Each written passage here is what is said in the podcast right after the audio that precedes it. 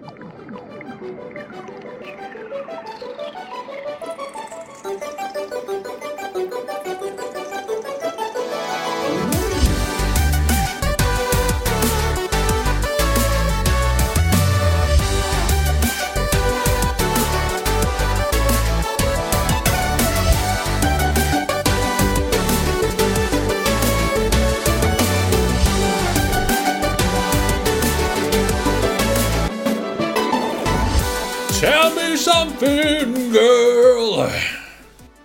Are tired of this modern world?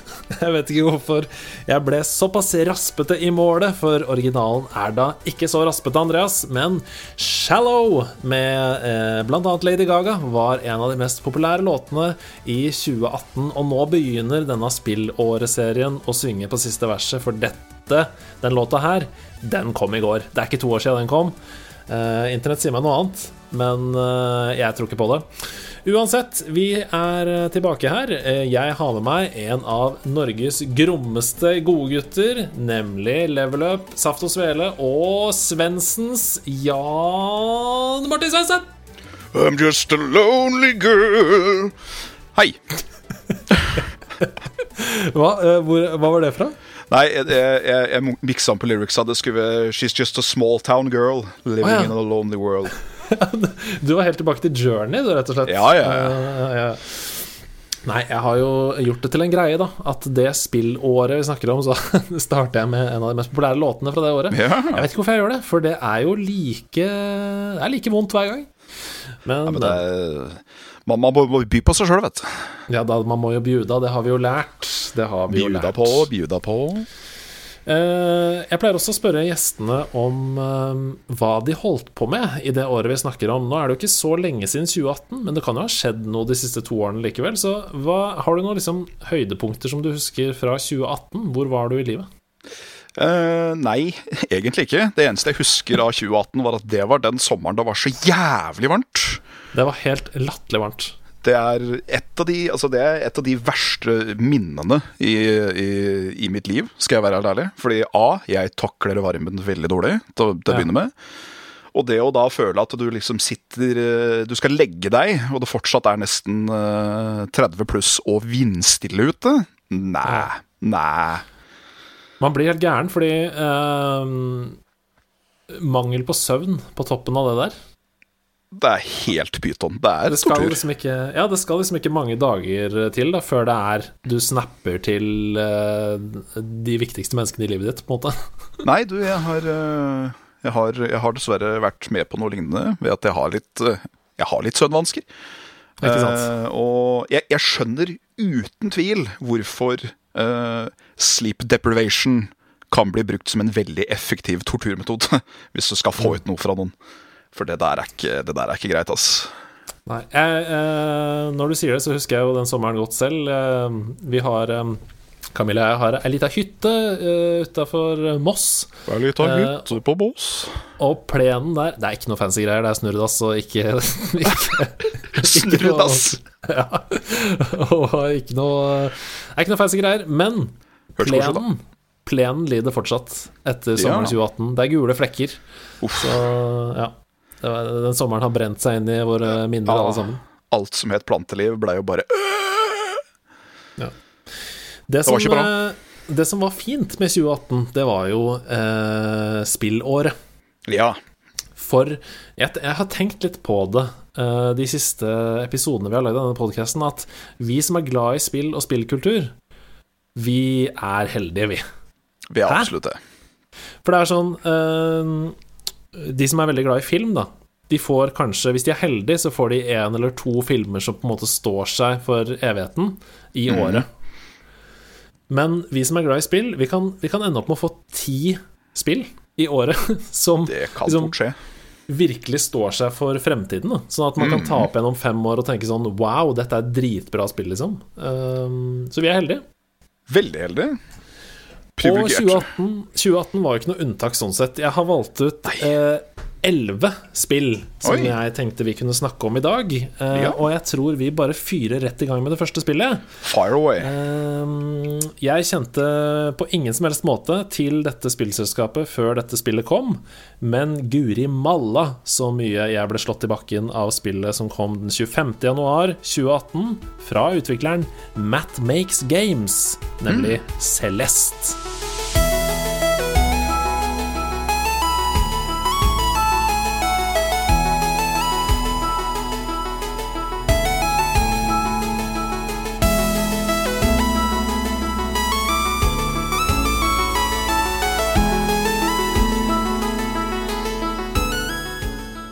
Celeste, ja.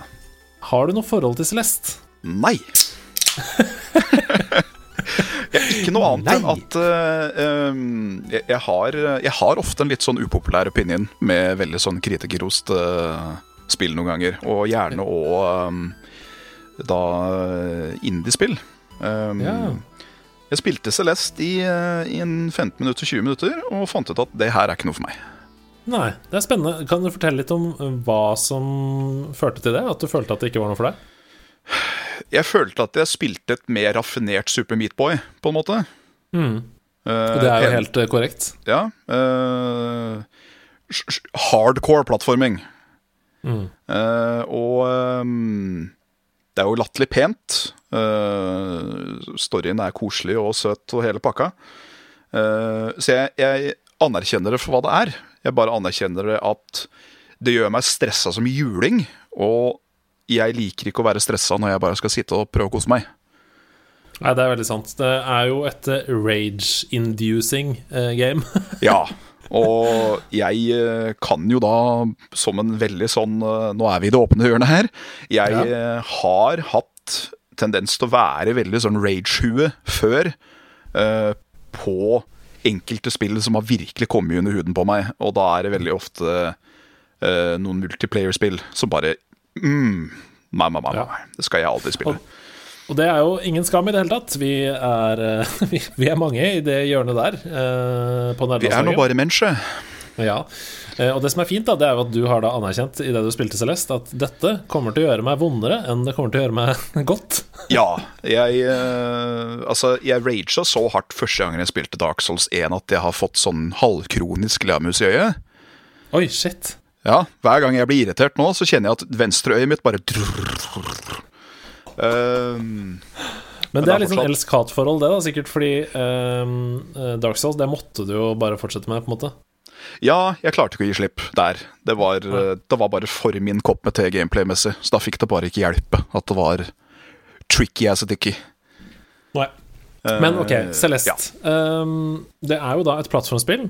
Det er det. Du, du spiller som en jente som heter Madeline, eh, og hennes mål er å klatre opp et fjell. Eh, Ja. på, vei opp til, på vei opp til dette fjellet så møter hun da eh, veldig mange dødelige hindringer, som pigger og sager og lasere og en skygge av seg selv som jakter etter deg.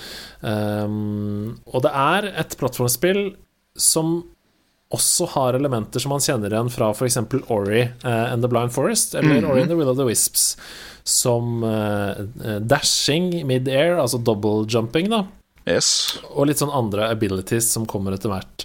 Men det er ikke til å komme fra at det er som du sier, det er et utrolig vanskelig eh, plattformspill. Det er det. Eh, som krever ekstremt god eh, timing. Eh, og eh, altså eh, Du kan sikkert ha talent for å, å spille Celeste på første forsøk, men du må terpe. Det må du absolutt. Noe av poenget med spillet er at Altså når du dør, så spåner du inn igjen med en gang. Du har Ja. ikke et gitt antall liv, du bare får beskjed om hvor mange ganger du har dødd. Uh, det er et poeng med spillet at du skal dø, sånn at du lærer deg hvordan banen fungerer. Ja. Uh, så du spåner med en gang igjen, og fortsetter videre. For så vidt en av de tinga som var veldig kult Dette blir nok en digresjon. En som var veldig kult med Super Meat Boy, er jo at når du da til slutt klarer en bane, så ser du jo også alle tidligere deg løpe gjennom den banen, og dø da på veien oppover. Og det er jo akkurat sånn som vi snakker om der. Det er jo, da ser man jo progresjon. Da. Du ser at du har lært og blitt eh, bedre. Ja. Det er Det er ikke tvil om at Celeste er inspirert av Super Meat Boy, som du snakker om her. Ehm, jeg eh, elsker Celeste. Jeg syns musikken er fantastisk. Jeg syns eh, stemningen og gameplayet og alt er kjempebra. Men jeg har også et tradisjonelt ekstremt høy tålmodighet når det, Du kommer, det? Til, når det kommer til plattformspill. Ja. Ehm, jeg, klarer, jeg, blir- jeg rager ikke av det. Jeg bare prøver igjen helt til det går, på en måte. Ikke verst. Eh, men jeg kan jo rage på andre ting, da. Jeg kan rage på Overwatch, eksempel. Eh, ja. Ditto. Det er en av de spillene jeg ikke rører så mye. men men uh, eh, Så Celeste er for meg et helt perfekt Nintendo Switch-spill. Uh, plukke opp på T-banen eller på vei et eller annet sted uh, og spille en bane helt til jeg klarer den, og så legge ned igjen, f.eks. Ikke verst. Så hvis du kjenner deg igjen i det, så vil jeg absolutt eh, plukke opp Celeste. Det er um, vanskelig, men også avhengighetsskapende, og et av de beste plattformspillene på Nintendo Switch. Det er veldig forseggjort. Vi hopper videre, vi. Eh, 26. januar, så det er ikke mange dagene. Vi er Nei. fortsatt i den første måneden i året. Eh, til et stort eh, Stort åpent spill. Jeg hadde aldri spilt noen spill i denne serien før dette kom. Eh, og jeg vet at eh, Carl har blitt veldig glad i det, så da er spørsmålet om du er det samme. Ja. Eh, jeg snakker om Monster Hunter World.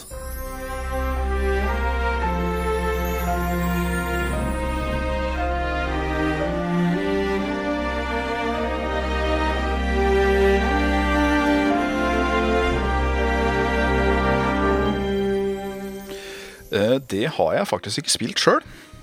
Ikke jeg heller. Og med det sier vi Ja, takk for oss. Eh, jeg har kvia meg litt faktisk til å begynne med det. Ja. Eh, ikke, ikke av noen sånne der, eh, preventive metoder å si det at eh, 'Å, jeg er redd for at jeg skal bli avhengig', eller noe sånt. Nei. Eh, men For det har jo veldig sånn jeg, jeg sier igjen igjen. Det har veldig sånn Souls-ish combat i seg. Bare litt mer freedom med hvordan du scaler og klatrer og alt det der. Det bare virker som om det tar så jævlig lang tid å drepe hver eneste lille ting. Og det tror jeg hadde gjort meg lei veldig fort. Ja, det er mange som spiller eh, Eller i hvert fall flere av vennene mine da som spiller Monster Hunter World, spiller det som sitt eneste spill, på en måte. Ja, ikke sant? Eh, det er litt sånn vovvete eh, sånn Ja. sett. Det er jo men, det men er jeg tror også MMO. det går an å Ja, det er det jo absolutt. Eh, eller, ja, det beskrives som et action-RPG, men Ja. du kan jo spille det i eh, crew med vennene dine. Action multiplier RPG. Ja, så det er kanskje litt mer som Destiny, da. Ja, det var egentlig fin Eh, sammenligning. Bare med monstre. ja. Men, Og- men eh, jeg- det, jeg tror det er et spill eh, på lik linje med Destiny 2 som går an å hoppe inn i og være ekstremt investert i i en måned, f.eks., og så legge det vekk og aldri spille igjen. ja. Jeg tror ikke det krever så mye av deg som World of Warcraft, som eh, Ja, så, som på en måte er et liv i et annet univers, da. Nei. Men jeg syns det ser spennende ut. Eh, Jeg har på ingen som helst måte uh, verken tid eller mulighet til å spille Monster Hunter World. Nei. Men, men for de som liker sånne store åpne opplevelser, en verden du lever deg inn i, eh, episke eh, bosskamper eh, og ikke minst følelsen av samarbeid, da, for jeg føler Ja. at eh, det er det det spillet har mest å by på. At når man får ned et sånt monster sammen med vennene sine, så er det en unik og veldig kul følelse. Ja, altså, jeg må absolutt si at uh, tanken på at f.eks. jeg, Carl og Niklas kjører et lite raid i, uh, i uh, Monster Hunter World jeg, jeg, har ikke no, jeg har ikke noen negative bilder om det. På ingen måte. Nei. Vi skal videre til et um, annet stort åpenverdensspill som du kan kose deg med sammen med vennene dine. Men dette spillet her, det er session-basert. Det betyr at uh, for hver gang du starter spillet, så får du eh, en ny sesjon. Um, Og jeg, dette spillet var ikke så godt mottatt da det kom. Men heldigvis så valgte utvikleren Rare å støtte eh, videreutvikling av spillet, og nå er det på et veldig veldig bra sted. To år etter at det kom, så er eh, Sea of Thieves veldig verdt å spille.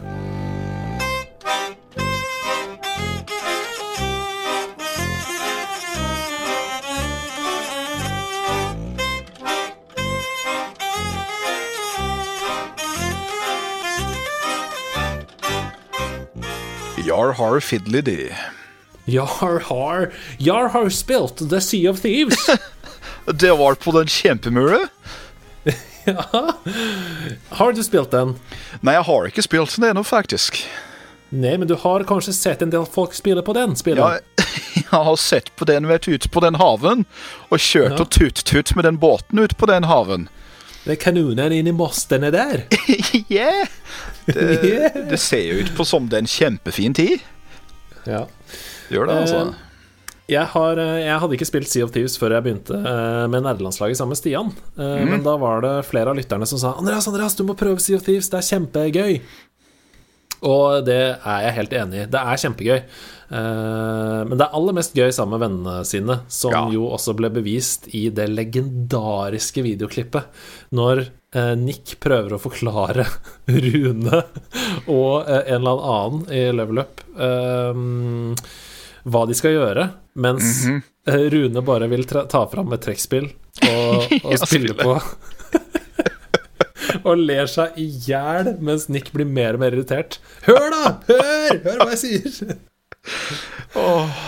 Nei, det er jo sånn. Sea of Thieves det er et eh, eh, open world-spill hvor du spiller som pirat. Mm. Du er på jakt etter treasure, arr, og Jarr. eventyr, og eh, ikke minst combat mot andre spillere sine piratskip som du kan kanone ned. Yes. Og det er skikkelig kanone, altså. Ja. ehm, så eh, ut fra hvor mange du er, så kommer det også an på hva slags skip du har. Da. Du kan ha en uh, tremanns bridgantine eller en firemanns gallion, f.eks. Uh, og da har man jo ulike roller. Noen skal styre skipet, noen skal manne kanonene, noen skal navigere. Uh, noen skal scoute, f.eks., oppi Utkikktårnet? masta der. Ja, mens andre skal hoppe over og boarde fiendens skip, da. Mm. Eh, og så kan du gå i land på øyer og lete etter skatter og ja. Det er uh, utrolig pent. Det er en sånn eh, tegneseriegrafikk. Uh, Det er litt sånn selvshade. Ja, sånn, det ser litt ut som Borderlands, Mhm. bare enda mer Donald-ete, på en måte. Ja. Uh, når du slår med en sånn uh, sverd Hva er det det heter, de sverdene, sånn piratsverd som har Cutlass? sånn derre- Ja, sånn cutlass, ja. Så, så må du nesten le litt, for det er så gøy.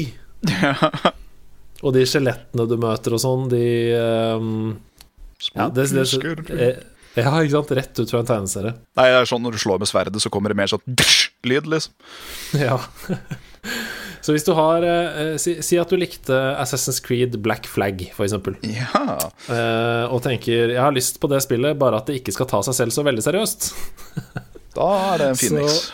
Så er det bare å hoppe inn i Sea of Thieves. Og som sagt, det er gøy alene, men det er et fantastisk eventyr sammen med venner. Hell yeah. Vi skal til Sverige, vi. Til Sverige. Setabro. Eh, ja, det nærmer seg påske i Norge. Jeg husker ikke når påsken var i 2018, så det kan hende har vært påske allerede, men det er i Ja. hvert fall 23, 23. mars, eh, og det kommer et spill som jeg hadde veldig store forventninger til, fordi det forrige spillet fra dette selskapet satte uslettelige spor i meg. Det spillet, det var Brothers, A Tale of Two Sons, og dette spillet her er A Way Out.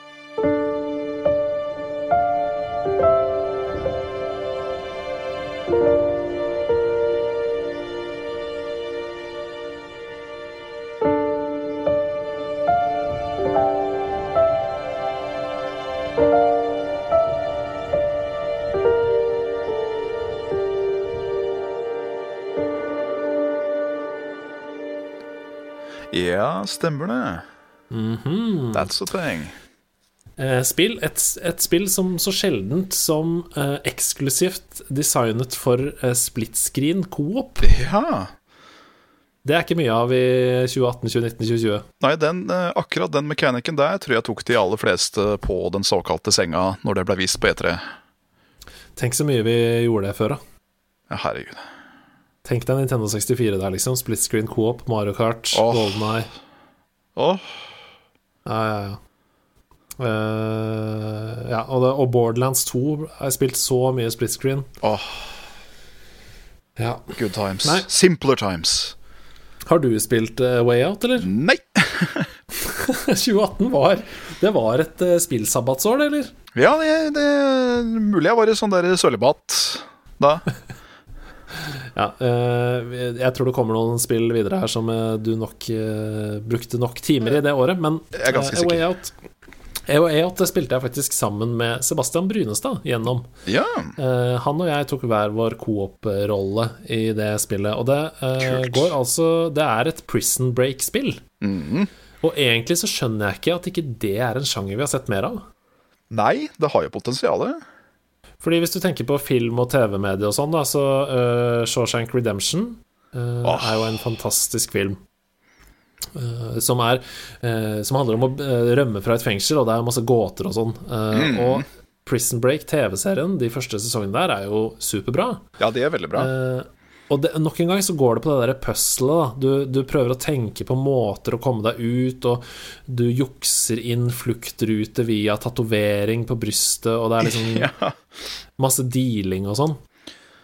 Og sånn er også egentlig A Way Out, og derfor så lurer jeg litt sånn på Kunne det egentlig vært en sjanger? Prison break-sjanger, liksom? ja. Det kunne jo Eh. potensielt vært noe der, altså. Ja. Så du skal, du og broren din skal altså uh, bryte dere ut av et uh, fengsel. Um, og det er jo coop, så man er nødt til å gjøre ting for å hjelpe hverandre. Der én trykker på en knapp, så går den andre ut gjennom en port, f.eks. Ja. Uh, og så kommer man seg ut i friheten. Liten spoiler-alert der, men det er jo ikke sånn at du tror at et spill som heter A Way Out, skal være i et fengsel hele spillet. Kun. Uh, og så skjer det masse ting da underveis mens man er på flukt uh, der. Ja. Sebastian og jeg spilte gjennom det på én uh, session. Oi. Det er ikke så langt, altså. Jeg, nei, jeg tror det var én, eller kanskje maks to sessions. Uh, og jeg syns det var en helt superfin opplevelse. Mhm. Så hvis du Vi får ganske ofte sånne spørsmål inn til nederlandslaget sånn Hva skal jeg spille med kjæresten min, eller eh, Jeg har en eh, PlayStation, men jeg, jeg finner ingen spill som jeg kan spille sammen med venner hjemme når vi er hjemme og sånn. Eh, A Way Out er et sånt spill. Den er absolutt ikke dum. Nei. Så hvis du har en eh, kjæreste, eksempel, som du har lyst til å introdusere til spill med det, så er A Way Out en veldig god vei inn. Og det er også sånn gøyale små minigames som eh, fire på rad, som man plutselig spiller mot hverandre, eller dart, eller skyting. Det er gøy. Ok. Fra et bitte lite indiespill eh, fra Sverige eh, skal vi til et spill som er satt i norrøn mytologi. Men eh, det er veldig trippel A-basert. Uh, gi meg øks, uh, en liten boy og en Kratos. Jeg snakker om God of War.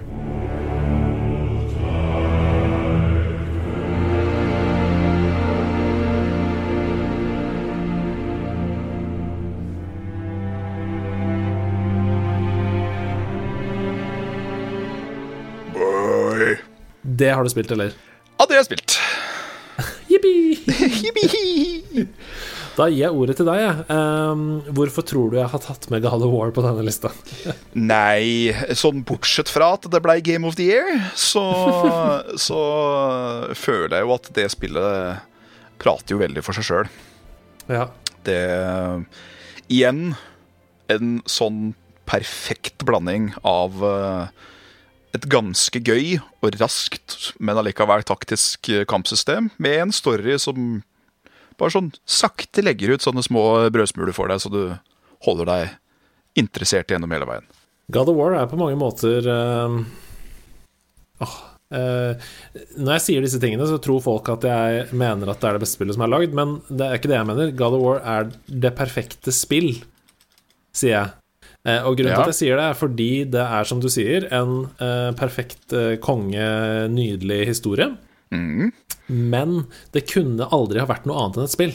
Nei, det er sant. fordi gameplay i seg selv tilfører så mye til både handlingen og opplevelsen. Eh, og, og gameplay i seg selv er så gøy at det kunne vært helt blotta for historie. Det kunne Ja. bare vært en, en verden som ikke hadde noen historie. Du ble ikke kjent med noen av karakterene, og du møtte ingen mennesker. Uh, og du kunne bare sl- slisa deg gjennom fra start til slutt, liksom, uten å få vite noen ting. Og det hadde fortsatt vært gøy. Helt enig. Uh, og derfor så mener jeg det er på en måte det perfekte spill, da, for det er hele tiden det jeg leter etter når jeg spiller spill. Eh, en opplevelse som kun kunne vært et spill for meg, og da trenger det ikke å være en stor og mektig historie. Så det, altså for eksempel eh, Super Meat Boy, som vi snakket om i stad. yeah. Det er også på mange måter et perfekt spill. For det kan bare være et spill. Ja, det er nettopp det. Eh, og sånn er God of War. Det kunne sikkert Hva- blitt en kul eh, 20 minutters til en 25 minutters kortfilm, men ikke noe mer enn det. Ja, det kunne sikkert blitt en film også, men akkurat den opplevelsen man, man får i God of War, da, eh, spillet, det føler jeg bare er sånn ja, Det er så spell, da. Det er så spell. Det er kjempespill. Ja. Det er mye inntrykk. Hva er det det går ut på? Hva det går ut på? Ja.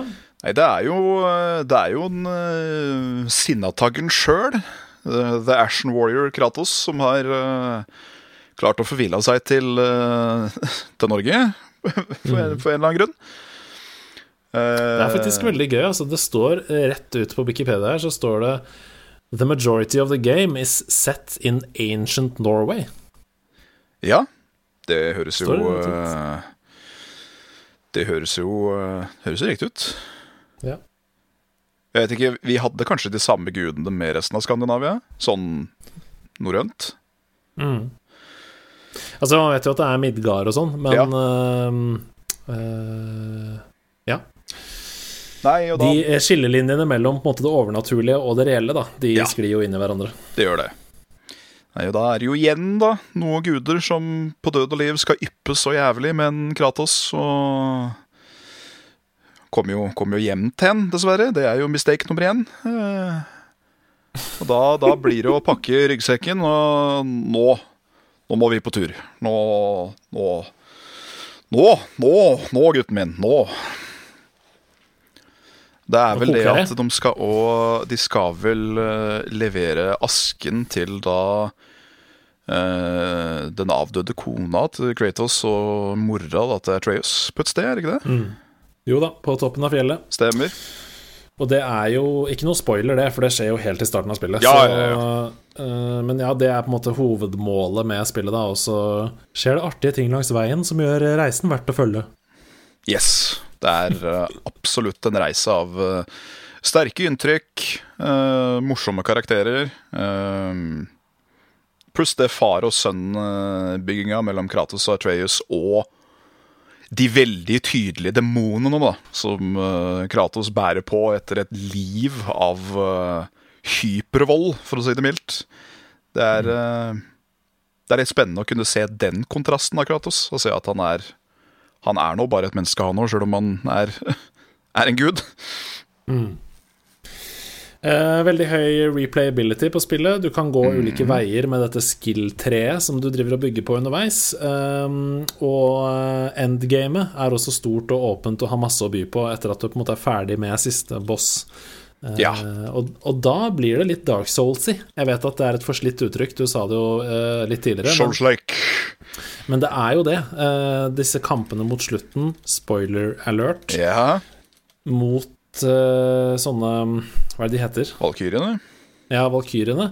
De har jo ulike movesets. Du må lære deg det. Det blir en slags dans. Du må, du må se eh, når attackene kommer, og se etter hint som gjør at du skal dodge på riktig tidspunkt. og sånne ting Som du på mange måter også gjør i f.eks. Bloodborne. Da. Ja, nettopp.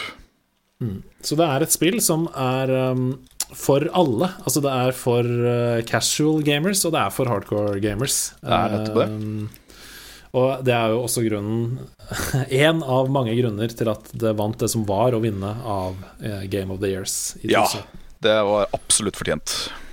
Vi skal videre til et spill som har kommet på fryktelig mange plattformer. Ja. Um, I tillegg til å komme på eh, de fleste konsoller og PC, så har det også kommet på IOS og Android. Oi, oi. Det er en deilig liten rogelike action platformer som heter Dead Cells.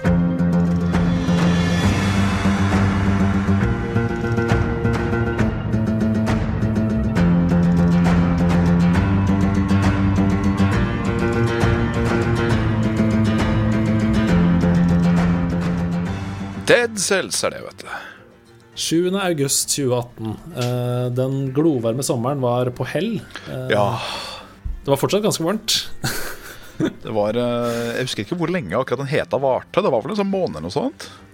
Ja, det var i hvert fall i juli der, men jeg Ja. tror det var litt utover òg, altså. Det var i hvert fall tortur. Det var det. Da var det godt med distraksjoner.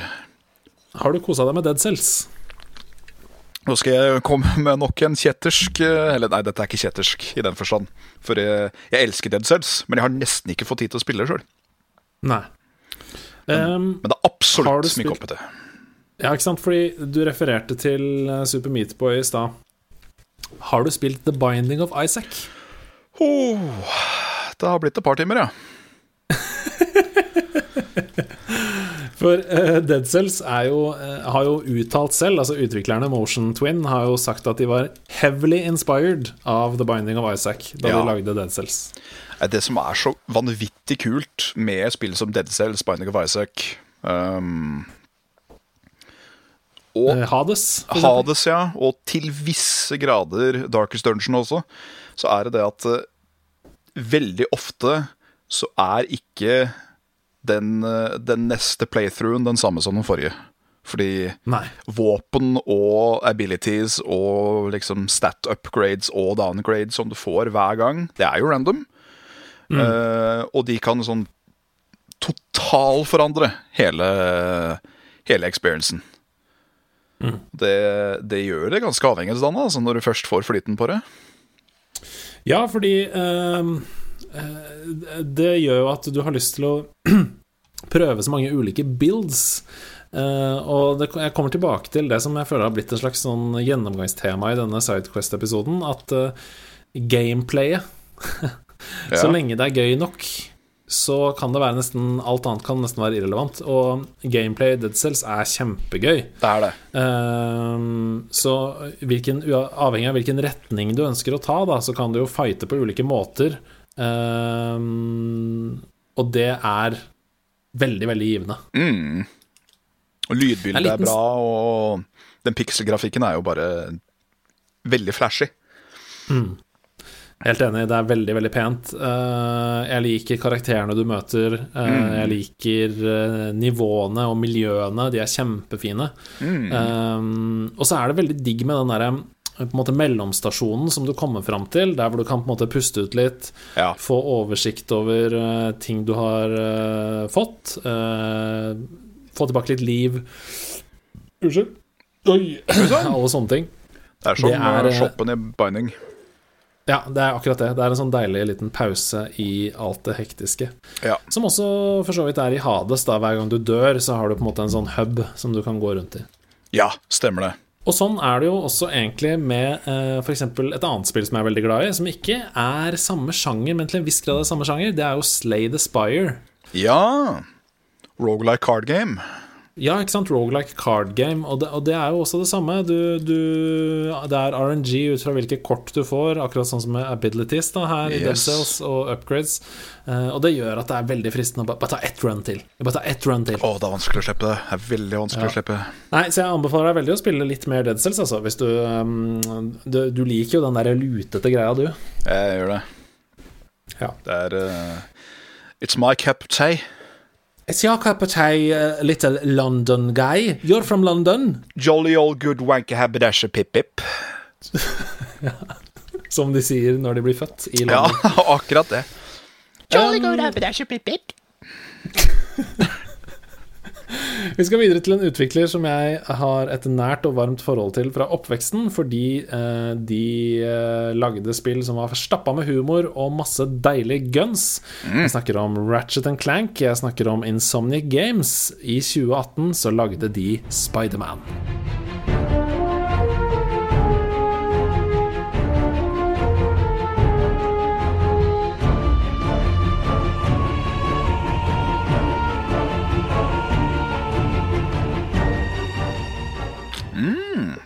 Ja, ja, ja, ja, ja, ja. 7. september 2018 så kom da eh, Spiderman. Mange drømmer om Spiderman. Ja. Eh, Et av de første Spiderman-spillene, eh, kanskje siden Spiderman 2 på PlayStation 2, eh, som var bra, eller? Eh, jeg hadde nok en, eh, en litt sånn svakhet for faktisk det mm, spillet til GameCube som var eh, basert på første filmen. Eh, veldig nå- Og når du hadde runda spillet, for da kunne du spille som Green Goblin istedenfor. Det var veldig Ja, det var dritbra. Det var jo kjempebra. Um, Men eh, ja, det er vel det første sånn Triple A Spiderman. Vil jeg vel tørre å påstå. Uh, har du noe forhold til Insomniac Games fra tidligere? Skal vi se, hva, hva annet er det de har lagd? Nei, det var jo det, spesielt Ratchet Clank, da, som de er Ja. veldig kjent for. Eh, plattformspillene med guns. Nei, jeg har ikke spilt et eneste av de, faktisk. Nei. Der har de missa ut, for de er veldig, veldig bra. Du, du får spille um, det nye som kommer, A Rift in Time, er det det heter? Et eller annet. Eh, Det som kommer nå til PlayStation 5. Det er nok mulig at jeg skal prøve det, altså. Selv om oh, ja. det er liksom Den, den, den tredje plattformsjangeren, den, den er uh, mer ofte miss enn det han er hit for meg, altså. Dessverre. Ah, ja, det var det du sa selvfølgelig òg, ja. At eh, det er på en måte litt tilbakelagt kapittel også. Ja, jeg er litt, uh, jeg er litt quote on quote rar akkurat der. Men la oss gå tilbake til Spiderman. Yes. Uh, har du spilt det, eller? Først og fremst? Nei, jeg har ikke spilt det. Nei. Eh, jeg har ikke spilt DLC-ene. Jeg har bare spilt eh, main story, eller hovedspillet. Og det Mhm. er jo ikke så fryktelig langt. Du kommer deg gjennom på 15 timer. Ja. Eh, så en fire-fem sessions der, så er du fort gjennom det, altså. Og det er jo veldig gøy hele veien. Ja. Det er mange som har sagt dette før meg, så det er kanskje litt for slitt, men det viktigste med et Spiderman-spill, det er jo om du føler deg som Spiderman når du Ja. spiller det. Eh, og det gjør du definitivt i Spiderman fra 2018. Skal du, skal du spille et spill der hvor du er en superhelt, så må power-fantasyen være naila. Helt riktig. Så det å svinge seg rundt, det å webswinge seg rundt, det er noe av det mest tilfredsstillende i hele spillet. Det ser sånn ut. Og det er så digg, liksom. Uh, og du kan bare det, Ja, det er nesten som Brett of the Wild-feeling. Jeg kan gjøre uh, hva jeg vil. Sånn føles det når du webswinger deg rundt. Um, ellers er det jo en del ting uh, Altså Det er en veldig god actionorientert eh, singleplayer-historie. Litt som uh, f.eks. Uncharted. Ja. Klassisk Triple A. Uh, store cutscenes, uh, viktige ting som skjer, og dessverre litt quicktime events. Ja. Nei, jeg, jeg, er jeg så ferdig med, ass. jeg har et sånt der hat-elsk-forhold til quicktime events, merker jeg. Ja. Jeg syns de funka veldig i Resident Evil 4. Ja, det er interessant.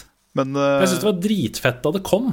ja, ja, og Resident Evil 4 var vel en av de spillene som skulle du si begynte med, med det. Ja, Føler jeg, i hvert fall. jeg syns det var dritfett da det kom, og, og noen quicktime events er fortsatt uh, veldig givende for meg, men uh, altså den typen som er sånn Nå kommer det opp en X over hele skjermen. Trykk på X innen fem sekunder, Ja. eller så dør karakteren din. Riktig. Det er så useless for meg. Altså. Det funker ikke i det hele tatt for meg lenger. Nei, uh, det er vel kun én eller to cutscenes, tror jeg, Resident Evil 4, hvor akkurat det der er uh, fakta. Eh, Men jeg, jeg syns det på en måte blir fletta så fint inn i hva som skjer på skjermen. At det, liksom, det er en del av en film. Og hvis du fucker opp, da, så kan du bare trykke på start neste gang. Så havner du eksakt der hvor du var i cutscenen når triggeren er neste gang. Ja, ikke sant. Det kaster liksom ikke bort tida di, på en måte. Det er mer sånn må du følge med. Ja, nei, og jeg skal ikke kaste masse skygge over Spiderman pga. quicktime events, for det er ikke så veldig mange av dem, altså. Eh, I hvert fall ikke som jeg husker. Eh, jeg bare ville si det, for Spiderman fra 2018 er eh, oppsummert et utrolig bra spill. Ja. Hvis du liker popkornbaserte spillopplevelser som da Uncharted, f.eks., eller The Last of Us, eh, så er Spiderman hjemmeseier. Eh, et mye dypere combat-system enn man egentlig skulle tro. Eh, det tok litt tid for meg å eh, komme vekk fra button-mashing, på en måte, men etter at jeg gjorde det og begynte å utforske hva de ulike tingene hadde å by på, da, eh, og bruke de ulike abilitiesene sammen eh, og sånn, så ble det veldig, veldig givende for meg. Og da blir det som en dans, da, nok en gang igjen. Du Yes. dodger han og kommer bak, og så slenger du ut et webspin for å ståle en fyr mens du hamrer ned en annen, liksom. Og det er veldig digg. Jeg lurer på om vi hadde vært naturlig flinke i Skal vi danse. Ja um, Skal vi webspinne, tror jeg kanskje jeg hadde vært bedre i. Men det er ikke noe, det er ikke noe fredagsslager på TV2. Skal vi denge? Skal vi denge? Det, det, det ble jeg med på. Hvis du uh, er showrunner, så ble jeg med. Ja, men det er greit. Ok, uh, det blir ikke en større kontrast enn dette i spillenes verden. Nei. For vi går fra et spill som måte sikkert hadde et team på 100 mennesker og et evig budsjett, uh, og en lisens på en av uh, Hollywoods største merkevarer, Ja. til et spill som er lagd av én person. 100 Alt hele spillet er lagd av én person. Akkurat sånn som det første spillet hans, som het Papers Please. Har du spilt det? Papers, Please har jeg. Det fikk jeg faktisk til julegave av Bjørn. Ja, det er nydelig. Det er et lite spill hvor du jobber som passkontrollør eh, og må eh, slippe inn, eller ikke slippe inn, eh, I en fiktiv i- russergrense. Ja, og dette er da det andre spillet til Lucas Pope. Det kommer eh, 18.10.2018, og det heter Return of the Obra Dinn.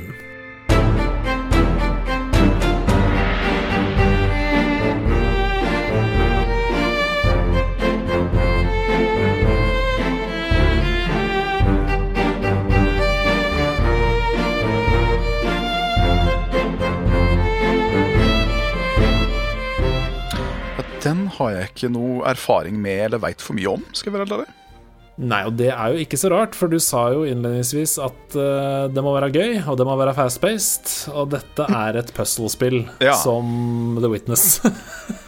Mm, Puzzle vanskelig, vondt i hodet, brr. mm, jeg får vondt, jeg skjønner ikke hva de tenker jeg skal gjøre her. Jeg får smerten på hoden. Ja.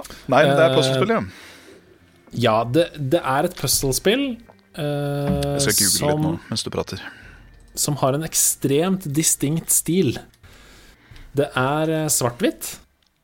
Uh, Ja, se det er her, sånn Og det er sånn begrensa hvor langt du kan se, på en måte, Ja. i uh, mappet du går i, sånn at verden uh, revealer seg for deg når du går rundt. Og det så jo Også utrolig kult ut, sånn rent visuelt. Det- Altså Visuelt så er det et mesterverk, og det, er veldig sjelden eh, i moderne tid at et spill klarer å eh, skille seg såpass ut eh, og fortsatt være bra, på en måte. Mm. fordi nesten alt er jo gjort, ikke sant. Det er det. Eh, så når det kommer noe helt nytt som ikke er gjort før, så eh, er det som regel ikke så bra. Nei, det er det. Men eh, denne monokrome grafiske stilen da, eh, som er på dette spillet, det er jo én bit, rett og slett. Det er én bit. Wow. Eh, den er eh, helt eh, unik. Og poenget med spillet, det er at du er en Du jobber som en forsikringsinspektør. Ja. Kall det gjerne en detektiv, da, på en måte, men det er jo ikke det. Men på en måte det. Og så kommer da dette Obra Dinn, skipet, som har vært savnet i fem år, plutselig uh, det, det kommer plutselig ja, det, Som det står her, reappears. Jeg finner ikke noe godt norsk ord for det. Det kommer til syne igjen. Altså det, det, man finner det igjen, da. Ja. Men alle Alle uh, crewmembersene som var om bord, er døde. Oh, shit. Uh, og det du skal gjøre, det, det er 60 crewmembers. Det du skal gjøre, det er å finne ut hvordan alle døde, og hvem det var som drepte dem. Så det blir skikkelig murder mystery, altså. Ja, det er et murder mystery, og du har en stoppeklokke som heter eh, Memento Mortem. Uh, Eh, og når du trykker på den, så blir du som spiller umiddelbart transportert til det øyeblikket eh, eh, et crewmember ble drept. shit. Så når du trykker på den, så ser du da det øyeblikket hvor eh, crewmemberet du finner, ble drept. Og så må du prøve å tenke sånn Ok, hva er det som har skjedd her? Det er en planke gjennom eh, magen til denne fyren. Hva er det som har skjedd? Han skulle cosplaye som uh, gulv. Så det er Det var akkurat det. Cosplay gone bad heter faktisk akkurat det. Den seksjonen der. Akkurat det. Nei, det er, men det er et kjempeinteressant spill, Uh, og det er en utrolig kul visuell stil. Um, og hvis du blir intrigued av det jeg snakker om nå, så burde du sjekke det ut. Men det er jo et puslespill, så man må jo vri hjernen sin. Eh, Ja, men jeg syns allikevel at det der hørtes litt mer opp min gate. For jeg Altså, for å korrektere hva jeg sa tidligere, da. Jeg kan sette pris på et godt mysterium. ja det for kan det er det absolutt. Du har jo blant annet Jeg husker ikke om det kom ut i fjor, eller hva da for noe. Uh, ikke Call of Cthulhu, men det var et annet sånt Lovecraftian-spill som kom ut. Uh, ja Åh, Det jeg, jeg jeg har det på Epic Game Store her. Jeg skal, jeg skal fyre opp Ja. mens jeg prater. Men der var det jo sånn veldig mye tenking. Du måtte lappe sammen liksom evidens og finne ut hva er det egentlig som skjer her. Og du kan til og med ta feil og drite deg ut og hele pakka. Eh, Og sånn liker jeg. Jeg bare Når det er sånne superheftige logikkpuzzles for the sake of being a puzzle, så kan det hende jeg fort føler meg litt sånn klunke to steiner mot hverandre og Være huleboer. Ja. Nei, men uh, sånn er det ikke i det hele tatt. Altså. Så du, uh, gi det en sjanse hvis du finner det på salg eller noe sånt. Um, og så tenker jeg at uh, det som er fint, er at for å unngå å bli veldig frustrert, da, så er det Jeg mener jo virkelig at det ikke er noe nederlag å gå på YouTube og finne løsningen Ikke sant? For å komme seg videre. Fordi hvorfor skal man eh, legge vekk spillet og aldri spille det igjen, når man bare kan eh, komme seg videre og fortsette å nyte spillet med en liten YouTube-video? Vet du hva, der, er, eh, Jeg kunne ikke vært mer enig på akkurat det der. Det, jeg føler ikke det skal være noe sånn skambetont på noen som helst måte. Nei, selvfølgelig ikke. Eh, Og alt sånt gatekeeping sånn som det, det må folk bare slutte med. Ja, jeg er helt 100% enig. Det samme gjelder egentlig vanskelighetsgrad også. Hvis du har lyst til å skru ned til easy, eh, be my very uh, warm guest. Ja, det er um, Jeg kan være den første til å innrømme at når jeg spilte Doom Eternal, så, så begynte jeg først på Jeg husker ikke hva disse heter, jeg, men det var vel hard, da. Ikke, ikke ypperste vanskelighetsgrad, men det var på hard. Ja. Uh, det måtte jeg bare drite i veldig fort. Og gikk da ned til, til, til medium med, nesten med en eneste gang, og så må aldri tilbake. Perfekt. Uh, vi har tre spill igjen på lista over spillåret 2018, og de tre er jo tre karameller, da, om jeg skal få si det selv. Ja, Det første er for meg den ordentlige revivalen av en spillserie som jeg var møkkalei av, og som jeg mente var død og begravet, og som bare kunne slutte å gi ut nye spill. Men guri malla, der kom det jammen meg et RPG som kunne konkurrere med Skyrim om en av de beste moderne RPG-opplevelsene. Mm. Det heter Assassin's Creed Odyssey.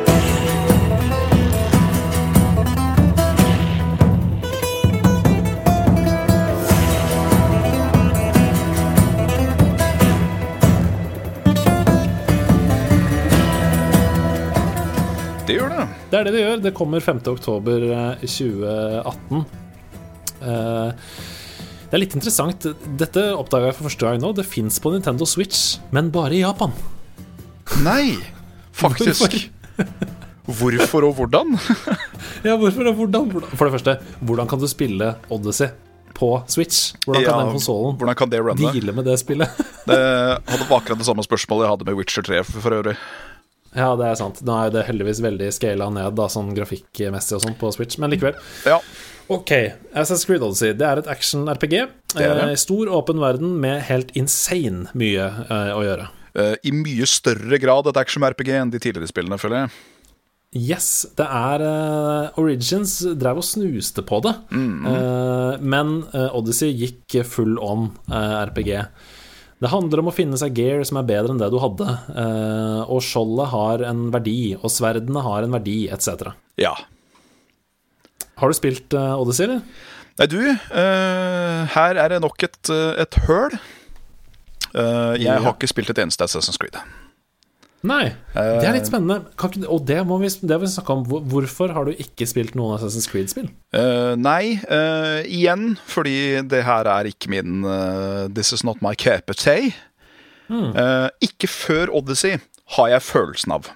Fordi Nei, det sant? eneste jeg har sett av Odyssey, er eh, nå sist helg, når Rune skulle spille eh, for stream.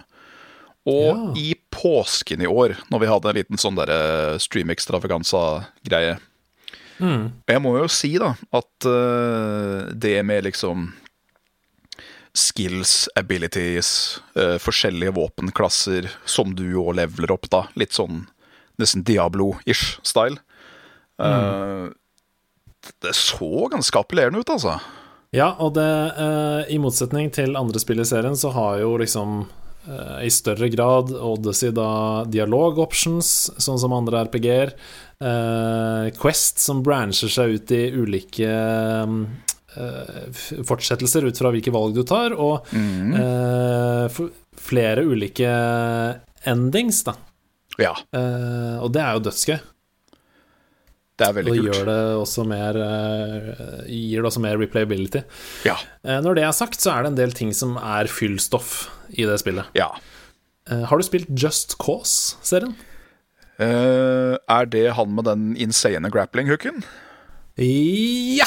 Det Ja. er den beste beskrivelsen jeg har hørt av Just Cause. Jeg har så vidt prøvd eh, Skal vi se, det blir vel treeren, tror jeg. ja, det har jeg faktisk 100 av. Ja, Såpass glad ble jeg i grappling hook, si. ja, det var jo litt av hvert å kunne gjøre med den. Ja, og wingsuit og alt mulig. Men, men mm, grunnen til at jeg drar opp Just Cause her, er fordi når du er på en måte ferdig med historien i Just Cause, så er det sånn at eh, det er settlements rundt omkring på hele den øya. Ja. Eh, og for å 100 det, så må du på en måte sprenge og ødelegge alle de settlementsene. Stemmer. Og sånn er også Assassin's Creed Odyssey i enda mye større grad. Eh, det er mange, mange sånne camps og sånn som du må blæste ned. Blir det for mye, syns du? Ja, det kan jeg si med hånda på hjertet. Eh, heldigvis så må du ikke gjøre det, da. Eh, Odysseys historie er jo Jeg har ikke runda det, men eh, det er jo et kjempegøyalt eh, spill. Eh, nok en gang, det er gøy at vi har fått en sånn gameplay-mani, du og jeg. Men eh, Ja. Men det er eh, veldig veldig gøy å spille. eh, og det er gøy å lete etter bedre utstyr, det er gøy å bli sterkere og kulere. Og um, samtidig oppleve en fin historie i uh, vanvittig vakre omgivelser. Mm. Så hvis man er glad i sånne spill som f.eks. Horizon Zero Dawn uh, og andre moderne RPG-opplevelser, så Ja. er Odyssey fortsatt en veldig Altså, det har holdt seg, og det Ja, det er bare å kjøpe. Mm. Jeg tror jeg skal stelle meg bak den, faktisk uten å ha spilt det sjøl. For inntrykket har vært såpass bra, da. At eh, jeg er overbevist om at bare jeg forrota meg til å skaffe det, så kan det nok være litt vanskelig å slippe òg. Det er det definitivt. Vi har flere brukere på nederlandslaget som uh, har plukka det opp etter at de begynte å høre på nederlandslaget, og som fortsatt uh, spiller det. Ikke sant? et år etterpå, så ja. Det skal bli gøy å se Ok. hva Valhalla kan bringe. Her kommer spillet som jeg hadde mest forventninger til eh, i mitt liv. I ditt liv, du! Oi! Jeg hadde fri fra jobben den dagen det kom, Dette lyder fordi kjent. jeg skulle spille det så mye. Eh, og jeg har spilt det. Hele spillet gjennom. Absolutt alt det spillet har å by på, har jeg spilt. Men det ble dessverre for meg en liten skuffelse. Den 26. oktober 2018 kommer Red Dead Redemption 2.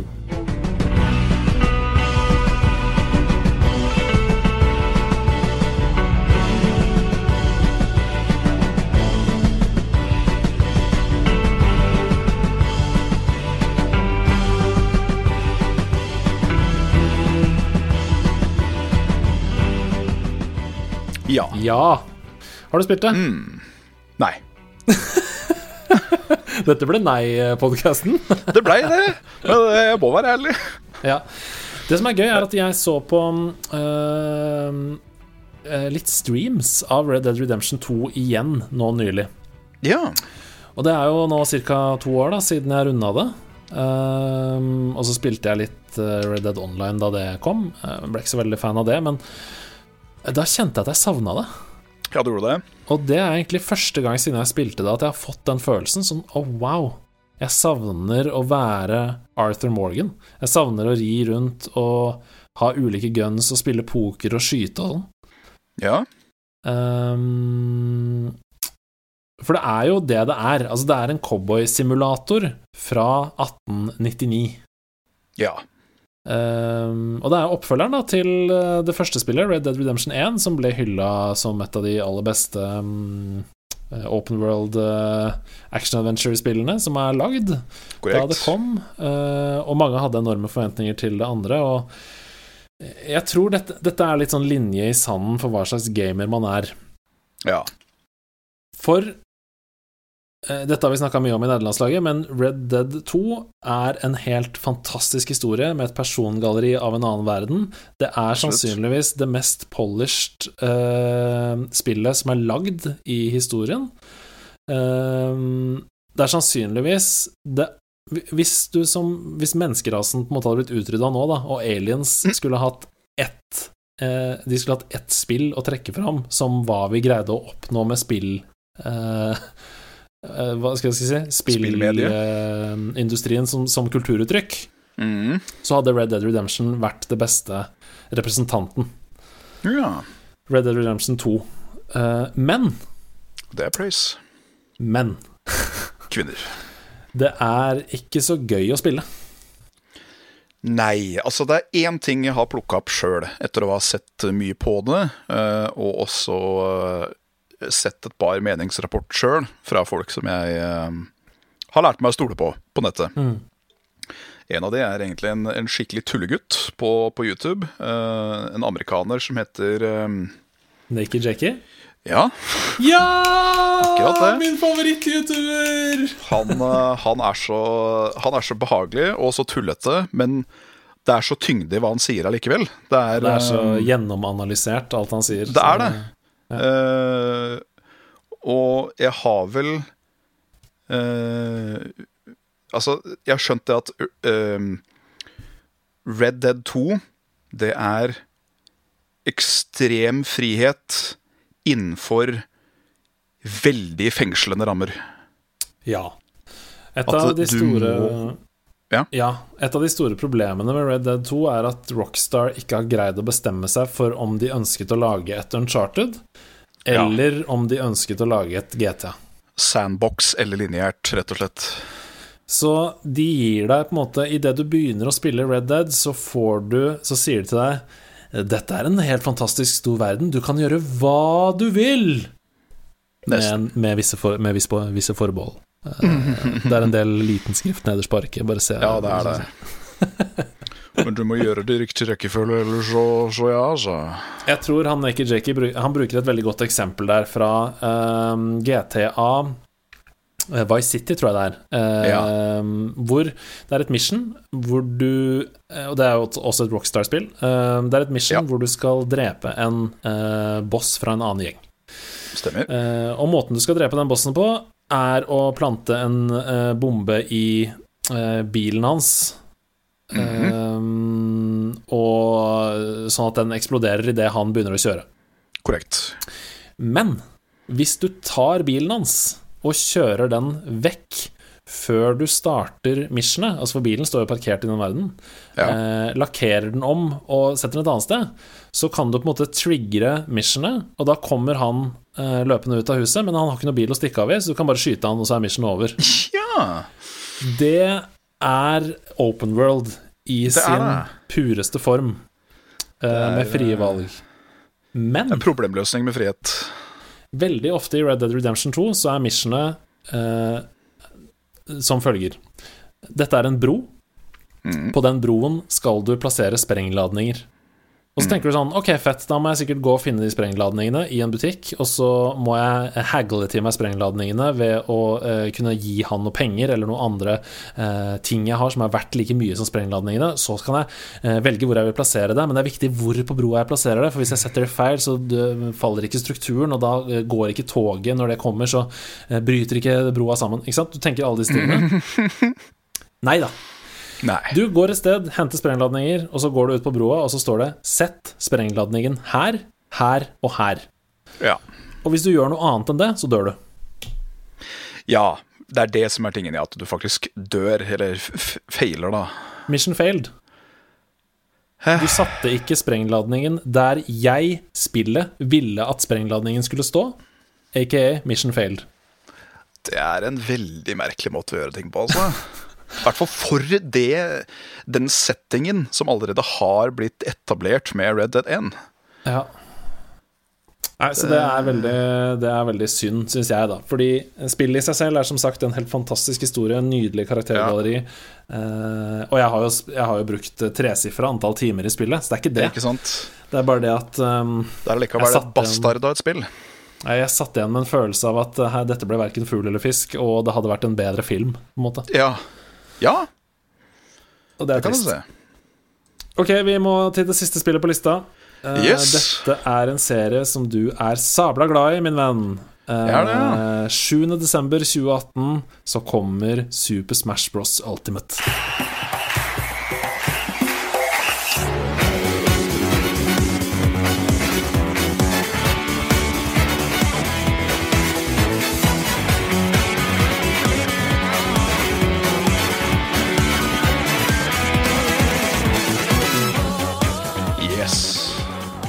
Smash! Denne gangen så kan du få snakke fritt. Ja. For dette har du vel spilt en del, eller? Jeg har faktisk ikke spilt det en eneste gang. Wow, Men altså, eh, når det Jeg har ikke sagt, da Switch. du er, Det må bare sies. Nei, du har ikke Switch, nei. nei men nei. det må bare sies da at um, du er vel den nærmeste Altså, jeg er helt sikker på at av alle gjestene vi har hatt inne i nederlandslaget, så er du den som har spilt Smash-serien mest. Det kan nok stemme. Ja. Så fortell litt om det først, da. Smash-serien. Ja.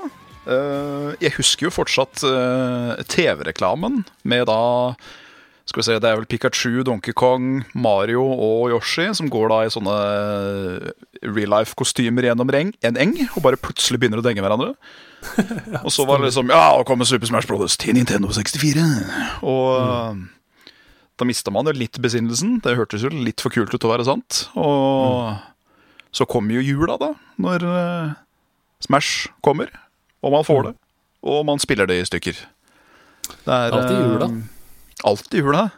Det var da Ocarina of Time kom. Og, ja, ja, ja, ja.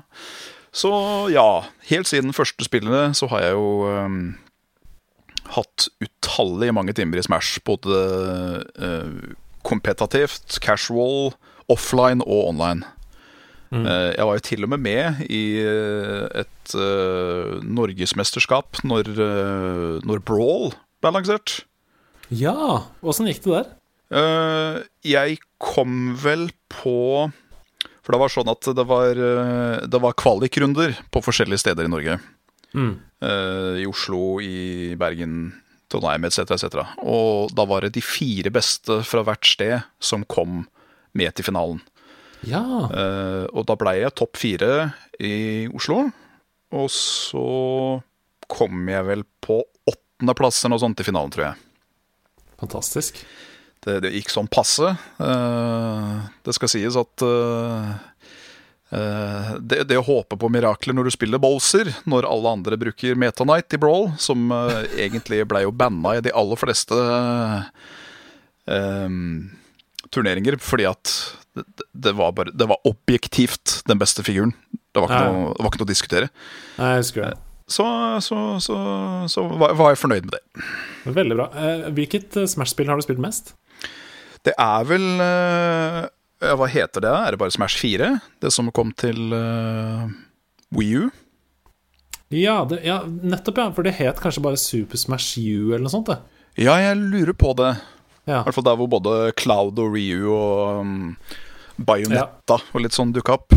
Ja, nei, Det har jeg spilt eh, ganske mye sjøl, altså, på Wii U. Men det var jo fordi eh, Jeg elska jo Wii U, jeg kjøpte den, men det var jo ikke så veldig mange spill eh, å bjuda på til den konsollen, så man kjøpte jo det som var bra, på en måte. Og Smash Bros. U var jo absolutt et av dem.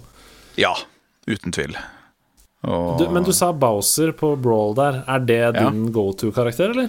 Bowser har alltid vært min uh, bread and butter siden uh, Melee. Og Ja. etter han fikk masse nødvendig kjærlighet etter faktisk Smash 4, at han kunne Han kunne jo faktisk løpe, og fikk et par bra attacks òg, så følte jeg at han blei litt mer Han ble litt mer legit å bruke. Ja. Så Nei, det- Bowser all the way. Hva er grunnen til at du ikke har spilt Ultimate annet enn Altså, er det noen annen grunn enn at du bare ikke har Switch? Uh, nei. Nei. Hadde jeg hatt Switch, så hadde jeg kjøpt det ved release, vil jeg tippe. Ja, det er jo ikke mm, Det skiller seg ikke så veldig mye fra f.eks. Uh, Smash Bros til Wii U, da. Nei. Nei, det er jo Det er bare bare mer av det gode. Ja, det er, det er mer. Det er alle heroes. Altså, det er jo alle karakterer som er lagd i historien, føler jeg. Uh, nå også Steve fra Minecraft. Ja, av alle ting. Ja, eh, men eh, eh, Det er jo også en singleplayer-del eh, Ja. i Ultimate som jo skiller seg litt fra de andre spillene. Ja. Men alt i alt så er det jo tross alt sånn at hvis du liker sånne type fighting-spill som bruker masse heroes fra et univers du er glad i, litt som PlayStation Allstars var i sin tid, mm. og som Smash har vært i alle tider, og du er glad i spill som Tekken eller lignende, eh, rett og slett fighting-opplevelser, så er det Det er ikke noe som er bedre på markedet enn Smash Bros Ultimate til Switch. Nei, altså, jeg syns jo det er like kult som et eh, partyspill med liksom alle items på åtteplayer Smash, vær så god, til bare én mot én på Final Destination uten noe items. Det, mm, det er en sånn komplett pakke. Og det faktum da at det er jo ikke noe andre slåssespill av originalitet. Du har jo noe Cartoon Network Fighter og sånn som gjør akkurat det samme som Smash. Men eh, den derre Du skal bare stacke opp prosenter med skade, og så skal du slå de ut av banen. Det er ikke noe helsesøyle og sånn. Det, det skaper en litt sånn deilig kaos. Ja, nei, det er veldig digg. Jeg er helt enig. Uh, og som du sier der, det er jo veldig custom. Du kan jo bygge dine egne custom matcher sånn som du vil at det skal være, og det kan jo bli masse gøy ut av det. Ja, absolutt. Tror vi skal sette strek der, jeg. Eh, er for det første, hva syns du om spillåret 2018, når du har fått det litt sånn i retrospekt her nå? Nei, jeg og romkameraten vi tok jo og kikka litt igjennom, bare for å se hva som kom ut. Mm. I sånn halv, halvpreparasjon. Mm. Og vi blei vel begge to enige om at det kom ut ufattelig mye bra og ufattelig mye heavy hitters i Ja. 2018. Det gjorde jo det. Er, det. er det noe du føler du savna her i dag, eller? Eh, e- egentlig ikke noe annet enn å nevne at jeg syns eh, da, som en, uh, som en World of Warcraft-spiller, siden uh, spillet kom ut, mer eller mindre, så var jo da den expansion packen som ble releasa i 2018, nemlig Battle for Azeroth, er vel kanskje den største skuffelsen noensinne. Å ja, det var det, ja. ja. Eh, Fikk ekstremt høye salgstall, fordi hypen var virkelig ekte, men så viser det seg at det var veldig tomt og veldig samey fra hva som hadde blitt vist før. Ja, for det var Altså, Legion var vel den som kom før det, Korrekt? Og den var jo kjempebra, så vidt jeg vet. Mm, det, var, eh, det var det perfekte eksempelet på, på power fantasy, føler jeg. Ikke sant? Der føltes hver klasse unik og hele pakka, men så kommer Battle Fast Roth, og da virka det som om ja, hvis du er en melee med two-hander, så føles du som alle andre mealer med two-hander. Er du en spellcaster, så føles du ut som alle andre spellcasters, og det blei Det blei kjedelig, rett og slett. Hvis du ikke har noe annet å legge til, så tror jeg vi setter eh, strek der. Ja, nei, punktumfinale der tror jeg passer fint, jeg. Så deilig. Eh, tusen takk for at du ville være med meg og gå gjennom spillåret 2018. Det har vært en stor glede. Tusen takk til alle som har hørt på. Eh, håper du hører igjen eh, neste uke. Jeg vet ikke hvem det er som skal være gjest da, men det blir spennende å finne ut. Ja, og så får du ehm, eh, mer enn gjerne være gjest i nerdelandslaget på et tidspunkt, da. Janis. Ja det hadde jo vært kjempekoselig. Jeg, er, eh, jeg skal ikke være vanskelig å be av, altså. Deilig. Da sier vi det sånn. Eh, si ha det til lytterne, da. Ha det til lytterne, da.